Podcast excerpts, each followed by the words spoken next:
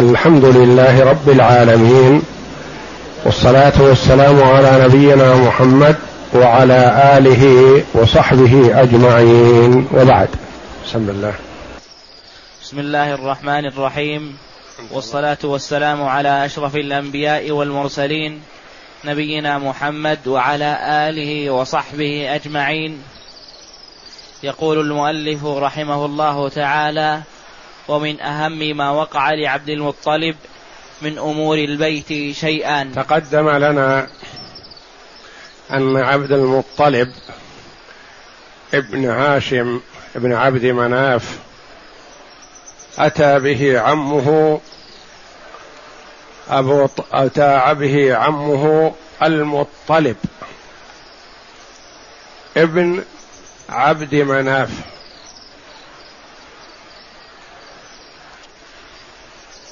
من المدينة ليتولى زعامة قريش من بعده. ولما مات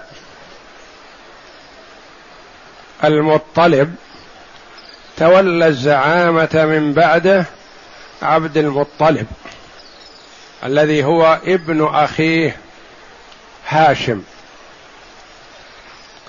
وعبد المطلب هو جد النبي صلى الله عليه وسلم الأول. محمد بن عبد الله ابن عبد المطلب. واجرى الله جل وعلا على يد عبد المطلب ما يدل على حماية الله جل وعلا لبيته العتيق.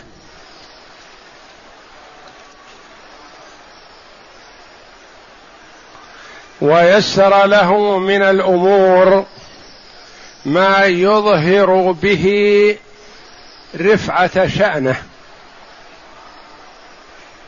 إرهاصات لما سيأتي بعد من ذريته.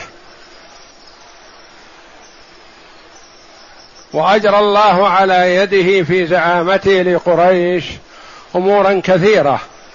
لكن من أهمها حفر بئر زمزم.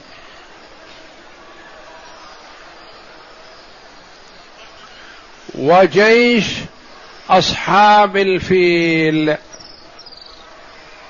هذه أمور عظام. أجراها الله جل وعلا على يد عبد المطلب حماية لبيته ورفعة لشأن عبد المطلب ولمن يأتي من ذريته. نعم. حف حفر بئر زمزم ووقعة الفيل. نعم. وخلاصة القول وخلاصة وخلاصة الأول. الأول الذي هو حفر بئر زمزم. نعم.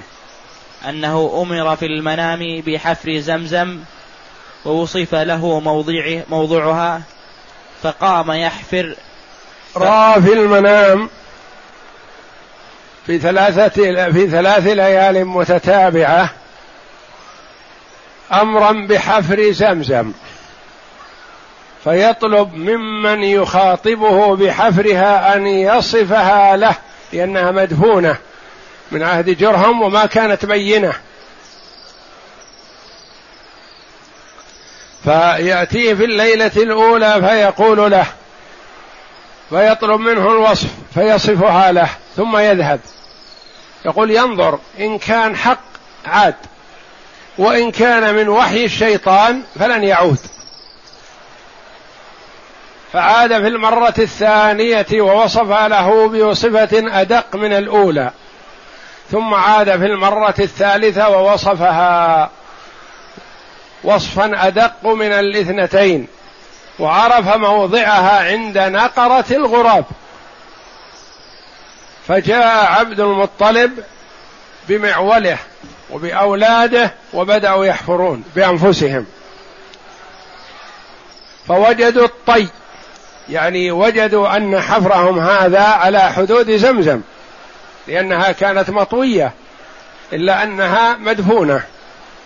فلما وجدوا الطي عرفوا أنهم على هدى وأنهم على زمزم. ثم حفروا فوجدوا أسياف ووجدوا غزالين أسياف من ذهب وغزالين من ذهب في هذه الحفرة وبدأوا يحفرون. فعند ذلك ثارت عليهم قريش. نعم. فقام يحفر فوجد فيه الأشياء التي دفنها الجراهمة حين لجأوا إلى الجلاء. أي إن أرادوا الذهاب والفرار دفنوا فيها أسياف وغزالين من ذهب وأشياء كنوز ثمينة وخرجوا جرهم. نعم. أي السيوف والدروع والغزالين من الذهب. فضرب الأسياف بابا للكعبة وضرب في الباب الغزالين وأقام سقاية زمزم للحجاج. هذا باختصار. هو لما حفر ووجد ما وجد قال هذا شيء خصصت به. فثارت عليه قريش ببطونها. يقول نحن شركاك في هذا. فقال هذا شيء خصني الله به. فلستم لي بشركاء. قالوا لن ندعك. إلا وتقوم الحرب بيننا وبينك. أو نتحاكم إلى كاهن. فقال هلموا. نتحاكم إلى كاهن. فخرج عبد المطلب من مكة ومعه من أقاربه عدد وخرج من بطون قريش. من كل بطن واحد مندوب عنهم وساروا في الطريق متوجهين إلى كاهنة في أطراف الشام وفي أثناء الطريق نفد الماء الذي مع عبد المطلب وصحبه فقال لي بقية بيوت قريش ساوون في مائكم أنتم معكم ونحن ليس معنا. قالوا لا والله. لا تذوقونه. وما ندري ماذا أمامنا. قد يصيبنا ما أصابكم. فنحن نوفر ماءنا وأنتم ضيعتم معكم. فقال لمن معه من صحبه ماذا ترون؟ قالوا الرأي رأيك. فقال أرى. أن يحفر كل واحد منا حفرة. ما دام معنا نشاط. لأنه قد يأتينا الموت فجأة دفعة واحدة من يدفننا. فرأى أن يحفر كل واحد منا حفرة. ونجلس بانتظار الموت. عطاش. فقالوا ما رأيت.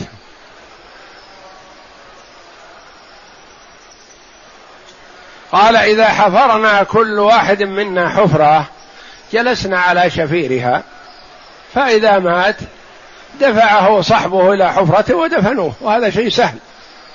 لكن إذا عجزوا بيحفرون له ما يستطيعون. فقالوا هذا رأي حسن. فحفروا وجلسوا ينتظرون الموت.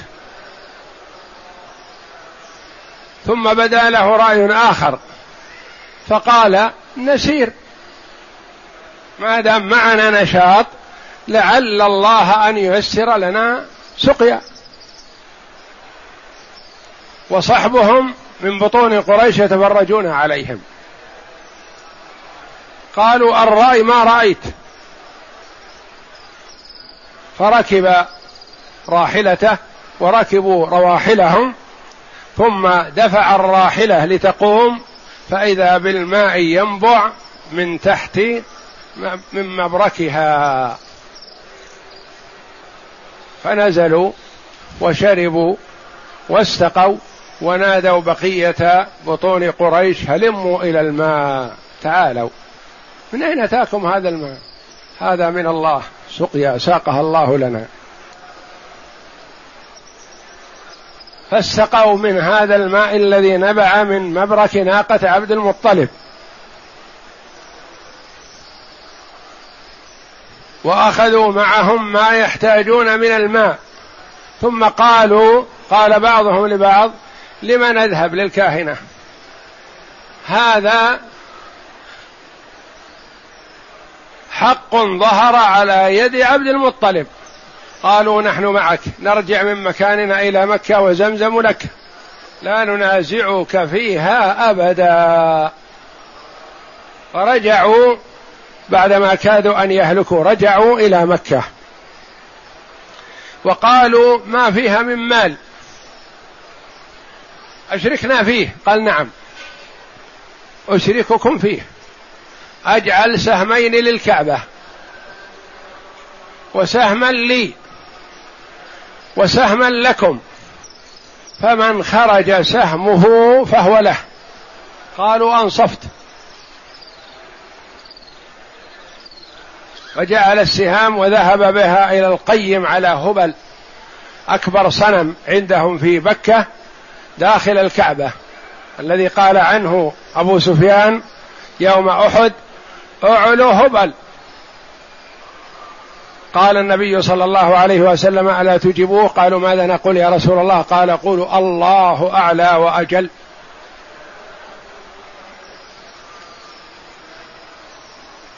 ثم قال أبو سفيان لنا العزى ولا عزى لكم.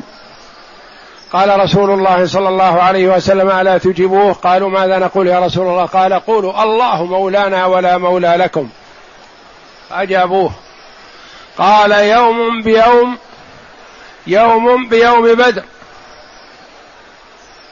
قال النبي صلى الله عليه وسلم ألا تجيبوه؟ قالوا يا رسول الله ماذا نقول؟ قال قولوا لا سوى قتلانا في الجنة وقتلاكم في النار. لأن قتل الصحابة شهداء أحياء عند ربهم يرزقون. وقتل المشركين يوم بدر في القليب الممتنة في نار جهنم والعياذ بالله. فذهب بهذه الأنصاب إلى قيم هبل ليستقسم لهم أن يخرج قسمه على شيء له. فخرج سهم الكعبة على شيء من الذهب وخرج سهم عبد المطلب على شيء من الذهب وخرج سهم بقية بيوت قريش على لا شيء. فتبرع بسهمه للكعبة وجعل كل ما وجد في بئر زمزم للكعبة. باب من ذهب وحل بها ببقية الذهب ما يناسب تحليته من الذهب وحفظ ما يمكن حفظه للكعبة. فهو لم يأخذ لنفسه شيئا. وأقام للناس سقاية زمزم فكانوا يسقون الناس حتى إلى عهد النبي صلى الله عليه وسلم والقيم على زمزم هو العباس. عم النبي صلى الله عليه وسلم كما عرفنا أن النبي صلى الله عليه وسلم أذن له ليالي التشريق في المبيت بمكة لأجل سقايته للناس. فكان الناس يبيتون في منى ليالي التشريق والعباس رخص له النبي صلى الله عليه وسلم أن يبيت بمكة ليقيم للناس السقاية سقاية زمزم ومر عليهم النبي صلى الله عليه وسلم وشرب من الدلو وقال لولا أن تغلبكم الناس على سقايتكم لمتحت معكم أو كما قال صلى الله عليه وسلم. يعني أراد أن يشرب من الماء فأرادوا أن يأتوا له بماء غير فأبى عليه الصلاة والسلام إلا أن يشرب مثل ما يشرب الناس وقال لولا أن تغلبكم الناس على سقايتكم لمتحت معكم أو زعمت معكم أو كما قال صلى الله عليه وسلم ف كان استخراج ماء زمزم للعباس وظيفة العباس رضي الله عنه وأرضاه في الإسلام وقبله. ولما بدت بئر زمزم نازعت قريشا عبد المطلب وقالوا له أشركنا. قال ما أنا بفاعل هذا أمر خصصت به فلم يتركوه حتى خرجوا به للمحاكمة إلى كهانة بني سعد. كاهنة. إلى كاهنة بني سعد. ولم يرجعوا حتى أراهم الله في الطريق ما دلهم على تخصيص عبد المطلب بزمزم. هذا الماء الذي نبع من تحت قوائم راحلته. نعم. وحينئذ نذر عبد المطلب لئن آتاه الله عشرة أبناء وبلغوا أن يمنعوه لينحرن أحدهم عند الكعبة. لأنه كان ما كان عنده إلا ولد واحد الحارث أكبر أولاده. فما كان معه من يساعده. فنذر إن الله أعطاه عشرة من الولد يمنعونه. إذا احتاج إليهم لينحرن ليذبحن واحدا منهم. فلما كمل له عشرة أراد أن يفي بنذره كما سيأتي. كمل له عشرة وكلهم رجال يمنعونه أراد أن يفي بنذره.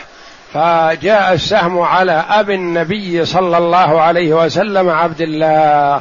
فكان النبي صلى الله عليه وسلم يقول أنا ابن الذبيحين. إسماعيل على نبينا وعليه أفضل الصلاة والسلام وعبد الله والده. نعم. وخلاصة الثاني أن أبرهة الصباح الحبشي أن الأمر الثاني موضوع جيش الفيل. ألم تر كيف فعل ربك بأصحاب الفيل؟ ألم يجعل كيدهم في تضليل؟ وكان الحبش في اليمن بنوا كنيسة عظيمة أرادوا صرف حج العرب إليها. بدل ما يحجون إلى مكة أرادوهم أن يحجوا إلى هذه الكنيسة في صنعاء في اليمن فجاء شخص عربي غيرة وحمية على الكعبة ولطخ قبلة هذه الكنيسة بالعذرة بالأوساخ. فلما علموا ذلك وسألوا من فعل قالوا واحد من العرب. فقال والله قال ابرهة والله لا أهدمن بيتهم وقبلتهم وكعبتهم وشرفهم كله. فإن تركوني وما أردت فلن أقاتل أحد. وإن دافعوا عنها قاتلتهم. فخرج من اليمن بجيش عظيم ومعه فيلة. وفيل كبير منها والفيلة كثيرة لكن واحد أكبرها هو القائد. وخرج وكلما مر بقبيلة من قبائل العرب من بين اليمن إلى الطائف فكر أهلها بأن يقاتلوه ثم يروا أنهم لا قبل لهم بذلك. فيتركوه وما أراد. حتى وصل إلى الطائف وخرجوا إليه فقالوا ما خرجنا لقتالك وإنما نحن عبيدك وما أردت منا. قال أريد أن تبعثوا معي دليل يدلني على مكة لهدم الكعبة. فبعثوا معه أبا رغال. الذي مات بالمغمس وهو يرجم قبره. فبعث وتوجه إلى مكة ونزل بالمغمس وأرسل من جنده أناس يجمعون ما يجدون من مواشي أهل مكة. فذهبوا وجمعوا مواشي أهل مكة من الإبل والبقر والغنم. وأتوا بها غنيمة لهم. ثم أرسل إلى مكة شخصا وقال ابحث عن سيدهم. فإذا وجدته فقل له أنا جئت لهدم الكعبة ولا حاجة لي بقتالكم ولا دمائكم. فإن دافعتم قاتلتكم. وإن لم تدافعوا هدمت الكعبة ورجعت. فإن رأيت منه موافقة يعني ما عنده نية حرب فأتني به. فدخل المندوب إلى مكة وسأل عن سيد أهل مكة فدل على عبد المطلب. فقال إن الملك إن الملك يقول لك كذا وكذا. قال لا قبل لنا بحربه. قال ما دمت تقول هكذا فاذهب معي إليه. فقد طلب مني أن تذهب معي إليه. لا ما أنت محارب فاذهب معي. فخرج معه عبد المطلب. ورأى شخصا من شيوخ العرب قد أسر في أثناء الطريق وكان رفيقا لعبد المطلب أبو نوفل. فجاءه فقال ما عندك يا أبا نوفل؟ الرجل جاء لهدم الكعبة. قال وماذا يكون عند رجل أسير؟ لا يدري يقتل صباحا أو مساء. أسير. ما عندي شيء. لكن سائس الفيل صديق لي ممكن أن أطلب منه أن يدخلك على الملك ويسمع منك. فاستدعى سائس الفيل وقال له هذا شيخ مكة وشيخ العرب والمطعم الناس وقت المجاعة وأثنى على عبد المطلب فأدخله على الملك وأطلب من الملك أن يسمع منه. قال لا بأس. فذهب السائس إلى الملك وقال له إنه قد جاء سيد أهل مكة وإنه كذا وإنه كذا وأحب أن تسمع منه. فقال لا بأس يدخل علي. وإلا ما كان في النية أنه يدخل على الملك لأنه يرى في نفسه أعظم من أن يستقبل عبد الملك آه، آه، عبد المطلب. فدخل عليه. فأجله عبد المطلب الملك الأبرهة لأن عبد المطلب كان رجلا وسيما جميلا مهاب.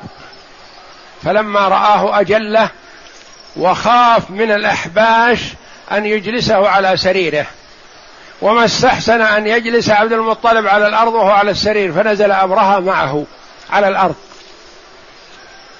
وقال لترجمانه قل لعبد المطلب ماذا يريد. قال إن الإغارة التي حصلت من قبلكم على مواشي أهل مكة أخذت لي مئتي بعير. فاطلب من الملك ردها إلي. فقال الملك لترجمانه قل له إنني حينما رأيته أكبرته. وأعظمته. لأني توقعت أنه بيطلب مني شيء عظيم. وما كان في نيتي أن أرد طلبه سوى ما جئت من اجله هدم الكعبة هذا لن أقبل فيها أحد. وما دام أنه جاء لهذه الدناءة يطلب إبل وأنا جئت لهدم بيت شرفه وشرف آبائه وأجداده ولا يعترض دون هذا ما يريد إلا الإبل أعطوه مائتي الإبل. فأخذها ودخل إلى أهل مكة وقال تفرقوا. لا قبل لكم بالجيش هذا جيش عظيم. واصعدوا إلى الجبال وأبعدوا عن ما حول مكة لأنه يتوقع أن ينزل عليه العذاب أنه لا يمهل. وجاء عبد المطلب وتمسك بحلقة باب الكعبة ودعا الله. وهم في الجاهلية يدعون الله ويعرفون الله ويؤمنون بتوحيد الربوبية. لكن الشرك عندهم في توحيد الألوهية. ودعا وتضرع إلى الله جل وعلا وخرج مع من خرج من أهل مكة أخلوا مكة كلها.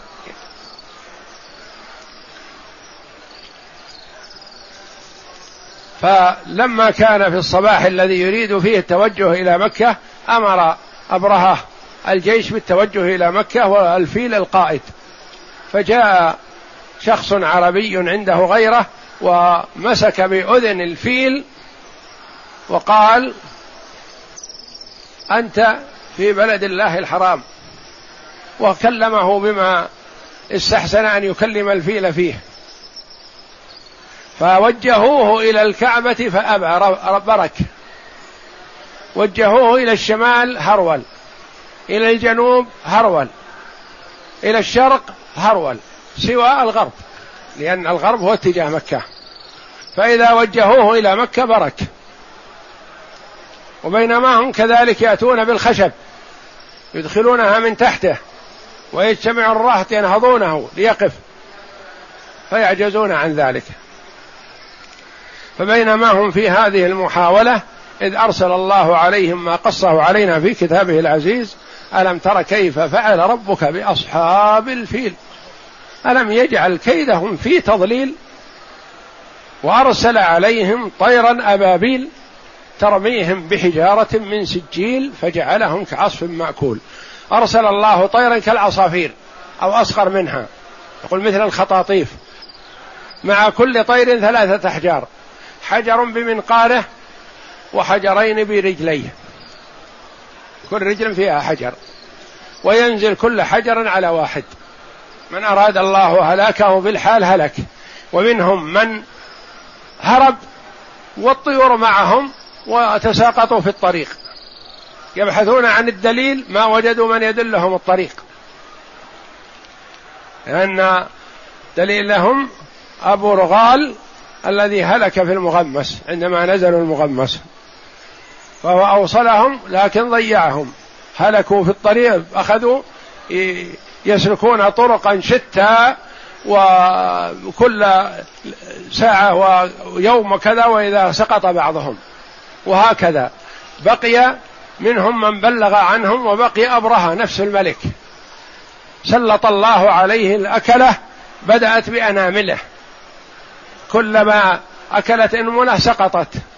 ثم يكون القيح والصديد ثم تليها الإنملة التي بعدها ثم هكذا فما وصل إلى اليمن هناك إلا وهو كالفرخ.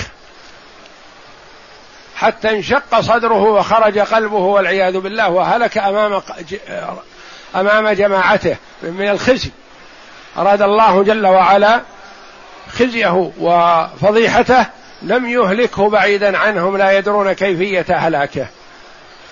اطلعوا على كيف موته من حين خرج من عاد من مكة إلى أن وصل اليمن وأنامله وأطرافه تتساقط والعياذ بالله. حتى أهلكه الله بين قومه وما نجا منهم أحد. حتى من وصل منهم إلى اليمن أتاه طيره فألقى عليه الحجر فهلك. والحجر هذا يخرق البيضة البيضة التي لا يخرقها الرصاص. البيضة تتخذ على الرأس من أجل أن تصد ضربات الرصاص والسيوف. ما تمضي فيها وهذه مثل حب البندق حب الحمص وأقل من حب الحمص. تنزل على الرجل وتخرق بيضته ورأسه وجسمه وتنزل إلى دابته فتهلك الجميع في مكانه. بقدرة الله جل وعلا. والله جل وعلا إذا أراد شيئا إنما يقول له كن فيكون. وهو جل وعلا يبتلي بعض العباد ببعض وهو قادر على أن يهلك من أراد إهلاكه بما شاء. فأحيانا يسلط بعض عباده على بعض وأحيانا يأتيهم الهلاك من حيث لا يشعرون. نعم وخلاصة القول وخلاصة الثاني أن أبرهة الصباح الحبشي النائب العام عن النجاشي على اليمن لما رأى العرب يحجون الكعبة بنى كنيسة كبيرة بصنعاء وأراد أن يصرف كان ملك اليمن للحبش وأبرهة مندوب من الحبش لتدبير شؤون اليمن. وأراد أن يصرف حج العرب إليها وسمع بذلك رجل من بني كنانة فدخلها ليلا فلطخ قبلتها بالعذرة. ولما علم أبرهة بذلك ثار غيظه وسار بجيش عرمرم عدده ست ستون ألف جندي إلى الكعبة ليهدمها. واختار لنفسه فيلا من أكبر الفيلة وكان في الجيش تسع فيلة. أو ثلاثة عشر فيلا وواصل سيره حتى بلغ المغمس. وهناك عبأ جيشه وهيأ يعني استعد لدخول مكة. وهناك عبأ جيشه وهيأ فيله وتهيأ لدخول مكة. فلما كان في وادي محسر بين المزدلفة ومنى برك وادي محسر من الحرم وليس بمشعر. وهو الفاصل بين مزدلفة ومنى. منى مشعر وحرم. ومزدلفة مشعر وحرم. ووادي محسر حرم وليس بمشعر.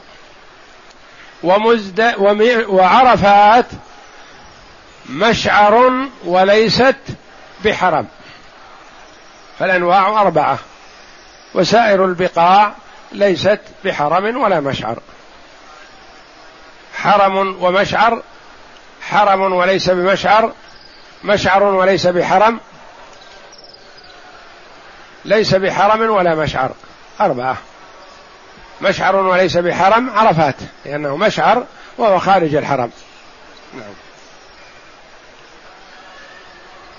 وادي محسر قيل أنه سمي وادي محسر لأنه حسر فيه الفيل منع من الذهاب. ولذا أمرنا النبي صلى الله عليه وسلم إذا انصرفنا من مزدلفة ومررنا بوادي محسر أن نسرع لأنه مكان نزل فيه العذاب على أصحاب الفيل والله أعلم. نعم. فلما كان في وادي محسر بين المزدلفة ومنى برك الفيل. ولم يقم ليقدم, ليقدم إلى الكعبة وكانوا كلما وجهوه إلى الجنوب أو الشمال أو الشرق يقوم ويهرول. وإذا صرفوه إلى الكعبة برك. لأن جهة الكعبة جهة الغرب عنهم. والشمال والشرق والجنوب يهرول يسرع. نعم. فبينهم كذلك إذ أرسل الله عليهم طيرا أبابيل ترميهم بحجارة من سجيل فجعلهم كعصف مأكول. كعصف يعني كقصب. ديس وأكل حبه يعني قصب خالي. نعم.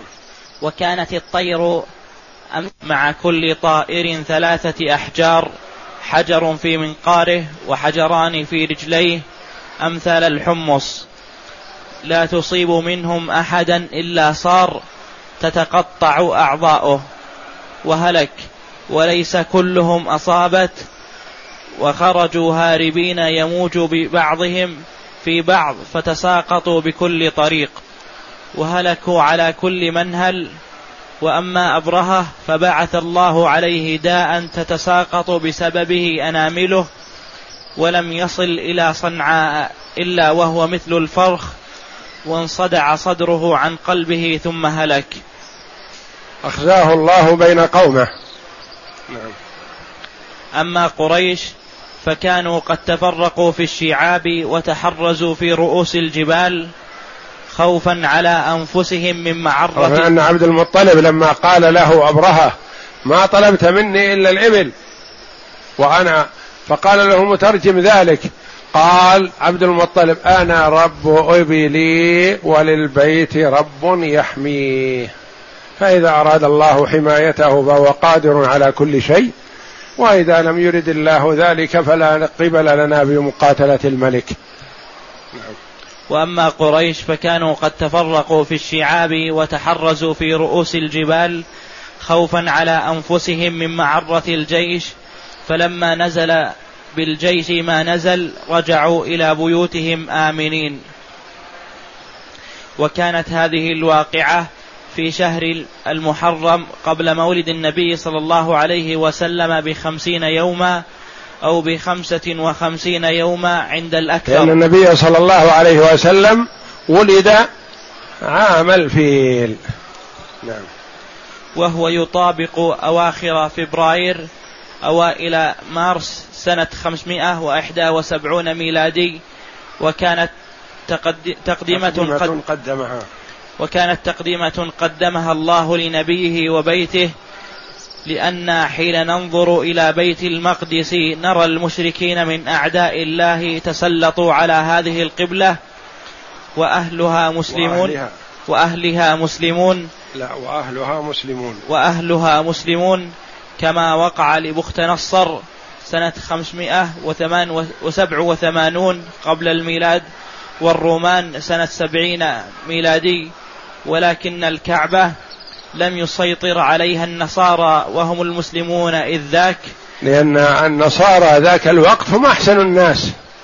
لأنه فيه النصارى وفيه المشركون وفيه اليهود فكان أقربهم إلى الصواب في ذلك الوقت النصارى. مع أن أهلها كانوا مشركين.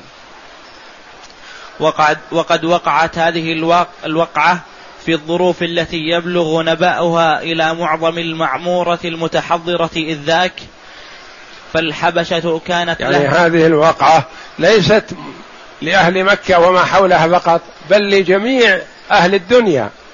للحبش يكون عندهم مهابة لبيت الله. للفرس يكون عندهم مهابة لبيت الله. للرومان يكون عندهم مهابة لبيت الله. وأقوى ما هنالك الحبش والفرس والروم. والعرب أشتات ومتفرقون. فالحبشة كانت لها صلة قوية بالرومان والفرس لا يزالون لهم بالمرصاد. يترقبون ما نزل بالرومان وحلفائهم. من الحبش. ولذلك سرعان ما جاءت الفرس إلى اليمن بعد هذه الوقعة. يعني احتلوا اليمن بعد هذه الوقعة لأنهم ضعف الحبش والروم. نعم. وهاتان الدولتان كانتا تمثلان العالم المتحضر. الفرس والروم. فهذه الوقعة لفتت أنظار العالم ودلته على شرف بيت الله وأنه هو الذي اصطفاه الله للتقديس. فإذا لو قام أحد من أهله بدعوى النبوة كان ذلك هو عين ما تقتضيه هذه الوقعة.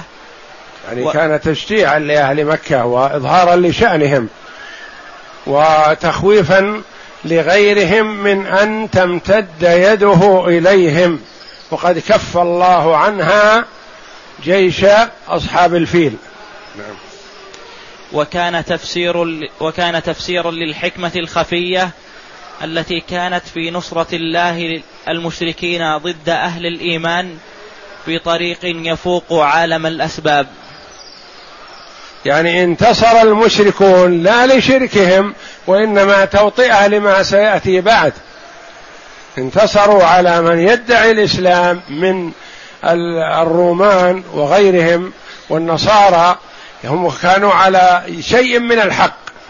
لكن الله جل وعلا نصر المشركين في هذه الأحوال توطئة لما سيصدر بعد ذلك من دعوة محمد صلى الله عليه وسلم إلى الإسلام. نعم.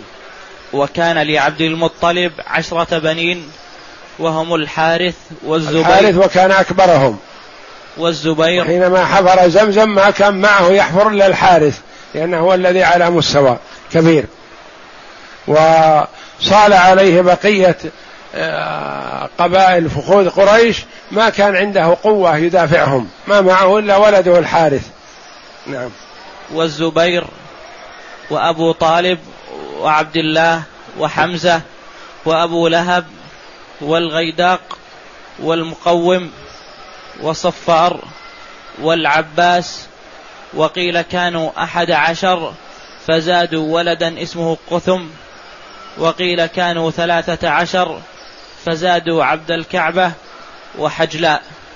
وقيل إن عبد الكعبة هو المقوم وحجلاء هو الغيداق. وقيل عشرة وقيل أحد عشر وقيل ثلاثة عشر. نعم. ولم يكن من أولاده رجل اسمه قثم. وأما البنات فست وهن أم الحكيم وهي البيضاء وبرة وعاتقة وصفية وأروى وأميمة. وصفية هي أم الزبير بن العوام رضي الله عنهما. نعم. عبد الله والد رسول الله. هذا عبد الله والد النبي صلى الله عليه وسلم وكان أحب أولاد عبد المطلب إليه عبد الله. نعم. عبد الله والد رسول الله صلى الله عليه وسلم أمه فاطمة بنت عمرو.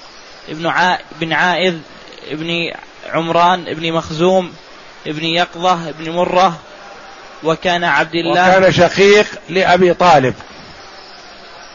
ولما أراد ذبح أحد أولاده أقرع بينهم فخرجت القرعة لعبد الله فأخذ السكين وأخذ بيد عبد الله لأنه قال لهم قبل ذلك جمع أولاده وقال الأمر كذا وكذا. أنا نذرت إن الله رزقني عشرة من الولد أن أذبح واحدا منهم. وقد حقق الله لي ما نذرت من أجله فأنا أريد أن أفي بنذري. قالوا شأنك. امضي ما أردت. أولاده ما عصوه فأقرع بينهم فخرجت القرعة لعبد الله. وكان أحبهم إليه إلى عبد المطلب. وما وسعه إلا أن يسعى في تنفيذ نذره. فأخذ السكين وأخذ بيد عبد الله وتوجه به إلى الكعبة ليذبحه عند الكعبة تقربا إلى الله. فثار عليه أخواله وأخوه أبو طالب. قالوا ما يصير؟ تذبح الرجل؟ قال نذرت. وتحقق لي ما نذرت من أجله ولم أخصصه بالذبح وكان أحبهم إلي لكن القرعة خرجت إليه خرجت له وعزم على ذبحه فمنعوه. قالوا لا والله لا تذبحه. لحكمة يريدها الله جل وعلا. قال ماذا أصنع بنذري؟ قالوا اذهب إلى كاهن واستفته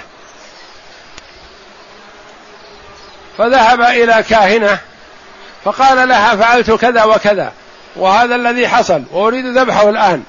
قالت كم الدية عندكم؟ قال عشر من الإبل. قالت أقرع بين عبد الله وعشر من الإبل. فإن خرجت القرعة على عبد الله فزد الإبل. وإن خرجت القرعة على الإبل العشر فانحرها وخلاص يكفيك. فأقرع بين عبد الله وعشر من الإبل فخرجت القرعة على عبد الله.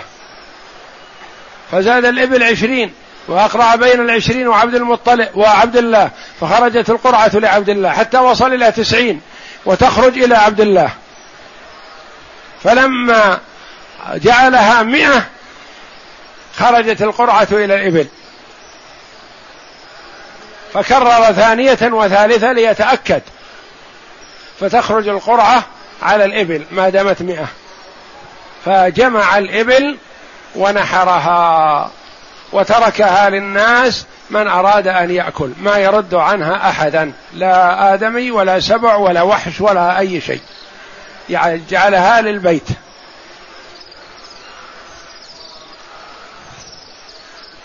ويروى أن عبد الله اعترضت له امرأة وقالت تعالى إلي. ولك بضعفي ما فديت به. تعال يمي ولك مئتين من الإبل. أنت فديت بمئة وأنا أعطيك الآن مئتين. فقال الآن معي أبي ولا أستطيع مخالفته. وذهب مع أبيه وتزوج آمنة بنت وهب. أم النبي صلى الله عليه وسلم ودخل بها فرجع إلى المرأة التي قالت له تعال إلي ولك ضعفي ما فديت به مئتي من الإبل. فقال أتريدين؟ قالت لا خلاص الآن. كنت أرى بين عينيك نور. وأريدك لهذا وأما الآن فلا. ذكر هذا ابن هشام رحمه الله في السيرة النبوية.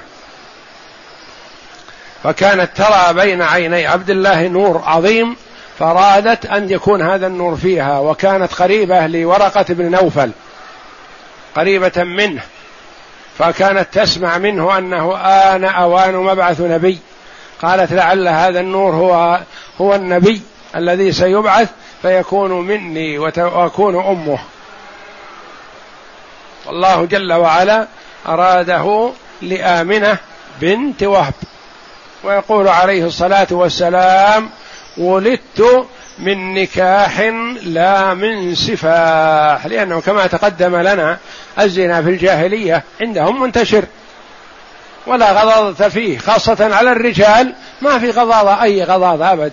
تناديه المرأة في الشارع ويذهب معها وما في غضاضة وإنما كان فيه الغضاضة على الحرائر النساء. بعض النساء تستحي من هذا لما بايع النبي صلى الله عليه وسلم النساء وقال في بيعته ولا يزنين قالت هند امرأة أبي سفيان أو تزني الحرة يا رسول الله؟ فكان الزنا منتشر في الرجال والولد والرجل يطالب بالرجل بالولد ويقول هذا ولدي من الزنا هذا ولدي.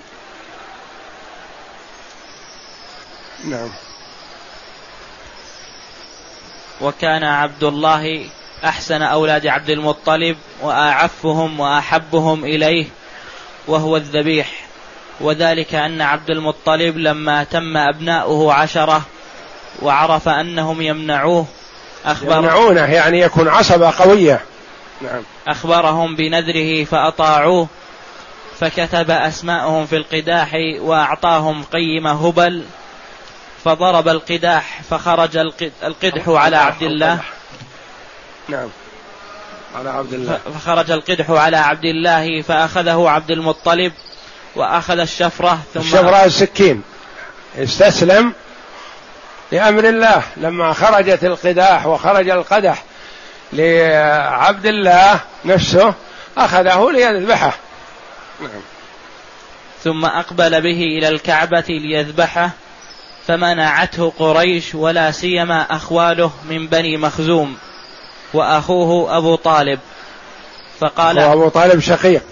نعم. فقال عبد المطلب فكيف أصنع بنذري؟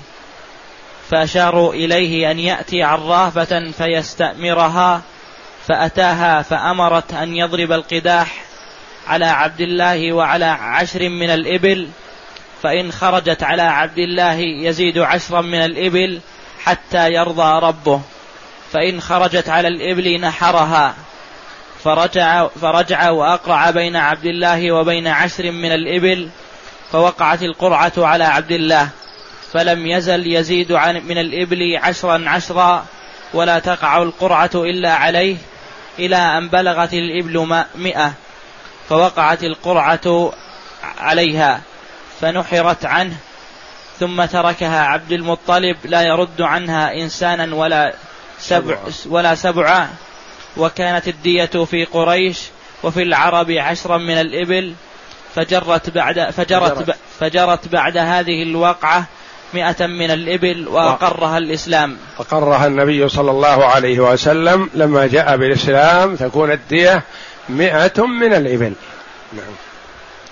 وروي, وروي عن النبي صلى الله عليه وسلم أنه قال أنا ابن الذبيحين يعني إسماعيل وأباه عبد الله. واختار عبد المطلب لولده عبد الله آمنة بنت وهب ابن مناف ابن زهرة ابن كلاب وهي يومئذ تعد أفضل امرأة في قريش نسبا وموضعا.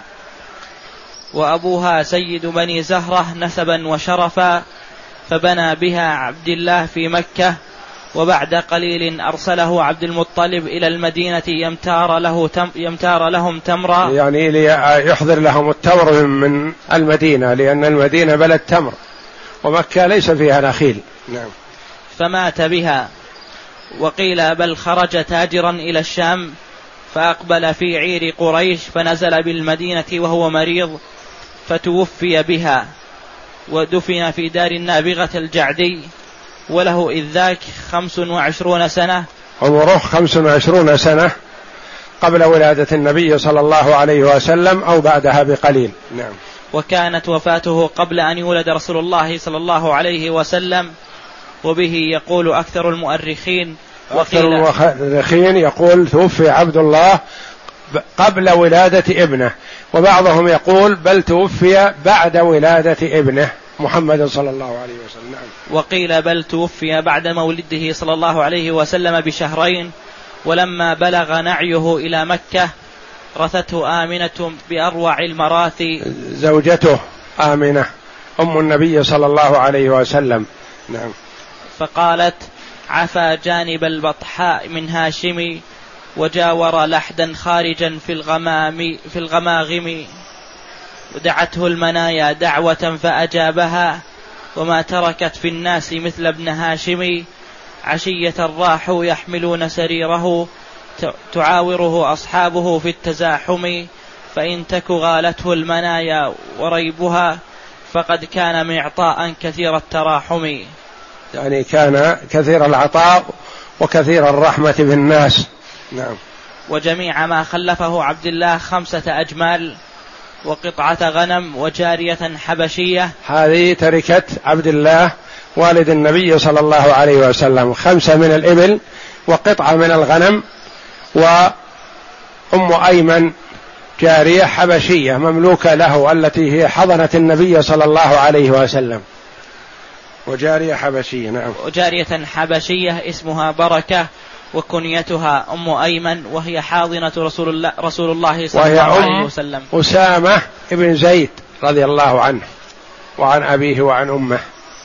وهذه عاتكة وهذه بركة كانت بمثابة الأم للنبي صلى الله عليه وسلم لأن وهي مملوكة له ورثها من أبيه.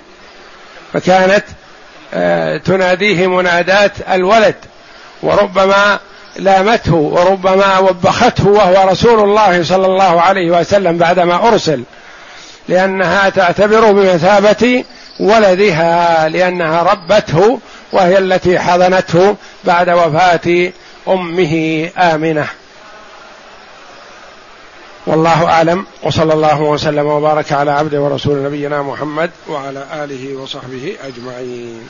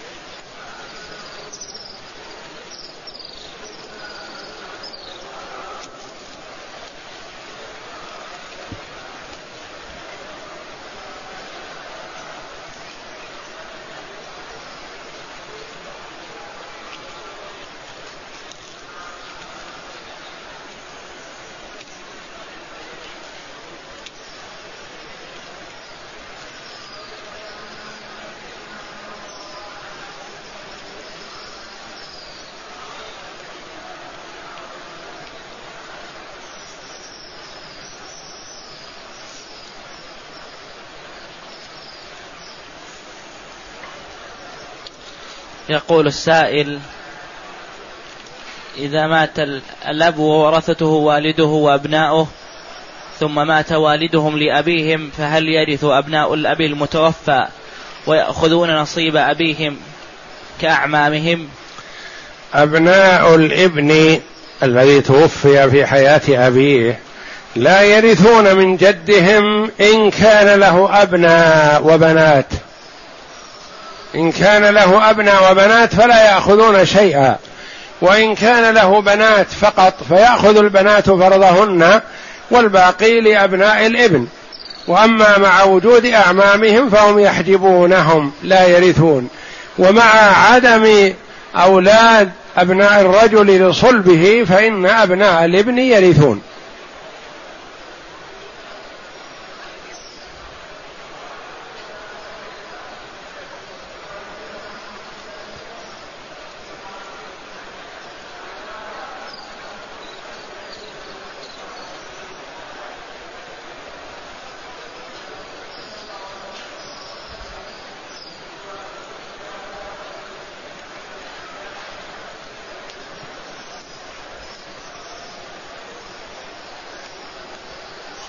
يقول السائل رجل عاهد الله عز وجل ألا يعود إلى معصية كان قد أدمن عليها ثم عاد لإدمانها علما أن العهد كان بالقلب ولم يتلفظ به فما الحكم؟ هل عليه كفارة؟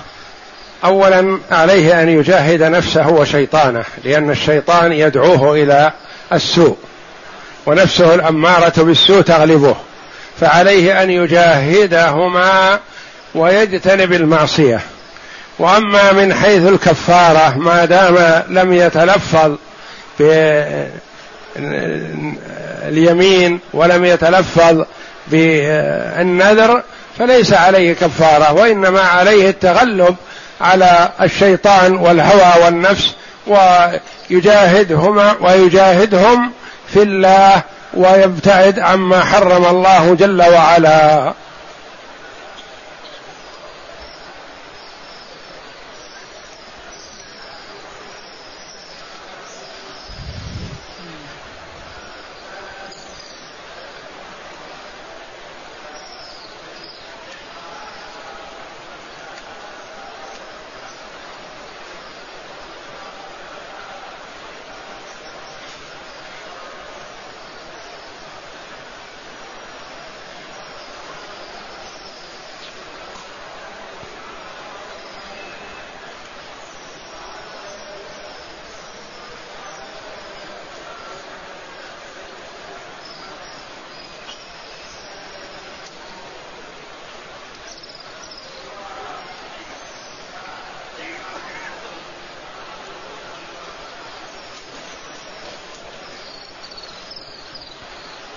يقول السائل زوجتي تجلس بمفردها في البيت حينما أذهب إلى العمل فهل هذا فيه خطر عليها من الشيطان؟ ليس عليها خطر والحمد لله وإنما عليها أن تتحصن من الشيطان الرجيم وعلى كل مسلم يتحصن بأداء ما افترض الله جل وعلا عليه. والمحافظة على ذكر الله وعلى أذكار الصباح والمساء بإذن الله والاكثار من نوافل العبادة و ولا يضيره الشيطان بحمد الله إذا تحصن بذكر الله جل وعلا.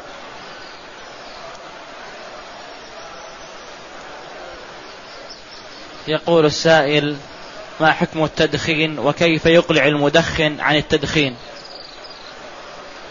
اولا الدخان لا شك في تحريمه لأن الله جل وعلا وصف نبينا محمدا صلى الله عليه وسلم بأنه يحل لنا الطيبات ويحرم علينا الخبائث. ولا يقول عاقل إن الدخان من الطيبات ويعرف خبثه أكثر من ابتلي به. فهو خبيث ومضر في البدن ومتلف للمال ولا خير فيه. وعلى المسلم أن يجاهد نفسه في التخلص منه. ولعل من أسباب الخلاص منه الإكثار من ذكر الله جل وعلا وقراءة القرآن وحضور مجالس العلم ومصاحبة الأخيار والصيام صيام النفل والمحافظة على الفرائض والبعد عن جلساء السوء وعمن يستعمل الدخان و والتضرع إلى الله جل وعلا باستمرار والله جل وعلا إذا علم من عبده الصدق والإخلاص في التوجه إليه فإن الله جل وعلا يعينه ويسدده.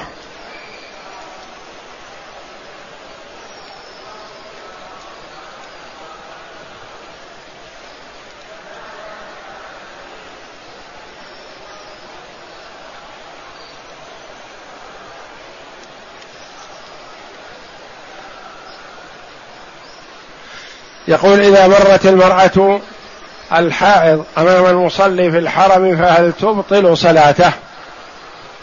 أولا ما في فرق في المرور بين الحائض وغيرها وإنما جاء في حديث النبي صلى الله عليه وسلم لا يقبل الله صلاة حائض إلا بخمار فالمراد البالغ يعني التي بلغت سن المحيض صارت امرأة بالغة فلا تصح صلاتها إلا بخمار يعني تغطي رأسها وتغطي سائر بدنها.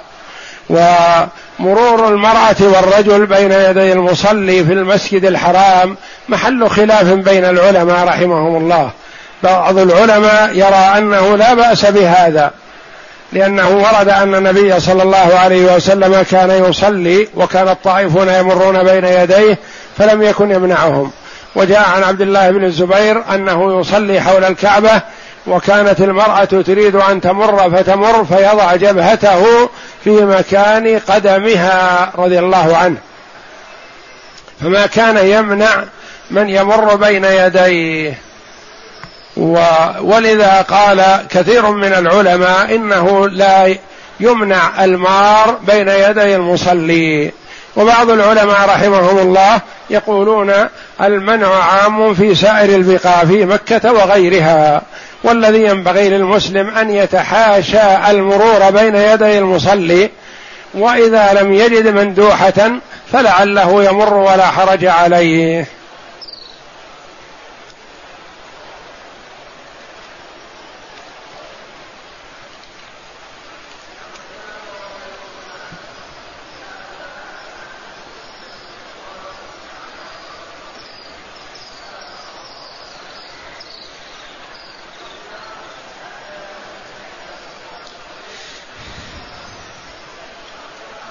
يقول السائل ما حكم رجل يريد أن يتسلف مني مبلغا خمسة آلاف ريال على أن يشتري فرش يؤجرها على أصحاب المناسبات على أن يعطيني زيادة خمسمائة ريال؟ إذا أقرضته خمسة آلاف أو أقل أو أكثر على أن يعيد لك أكثر منها فهذا الربا هذا ربا الجاهلية. وإنما إذا أعطيته إياها على سبيل أنها بضاعة يعمل بها يشتري بها ما يريد ويتصرف ثم ما يقسم الله من ربح يكون بينكما. هذه مضاربة وبضاعة وحسنة وشركة. بخلاف ما إذا أعطيته مبلغ على أن يعيد لك المبلغ وزيادة كذا فهذا ربا الجاهلية. يقول إذا طهرت الحائض بعد دخول وقت صلاة العشاء هل تصلي المغرب والعشاء؟ نعم. إذا طهرت الحائض قبل صلاة الفجر قبل دخول وقت صلاة الفجر فتصلي المغرب والعشاء لأن المغرب تجمع مع العشاء ووقت العشاء إلى طلوع الفجر. وإذا طهرت قبل غروب الشمس فإنها تصلي الظهر والعصر لأن الظهر تجمع مع العصر. والعصر يمتد وقتها إلى غروب الشمس. والله أعلم. وصلى الله وسلم وبارك على عبده ورسول نبينا محمد وعلى آله وصحبه أجمعين.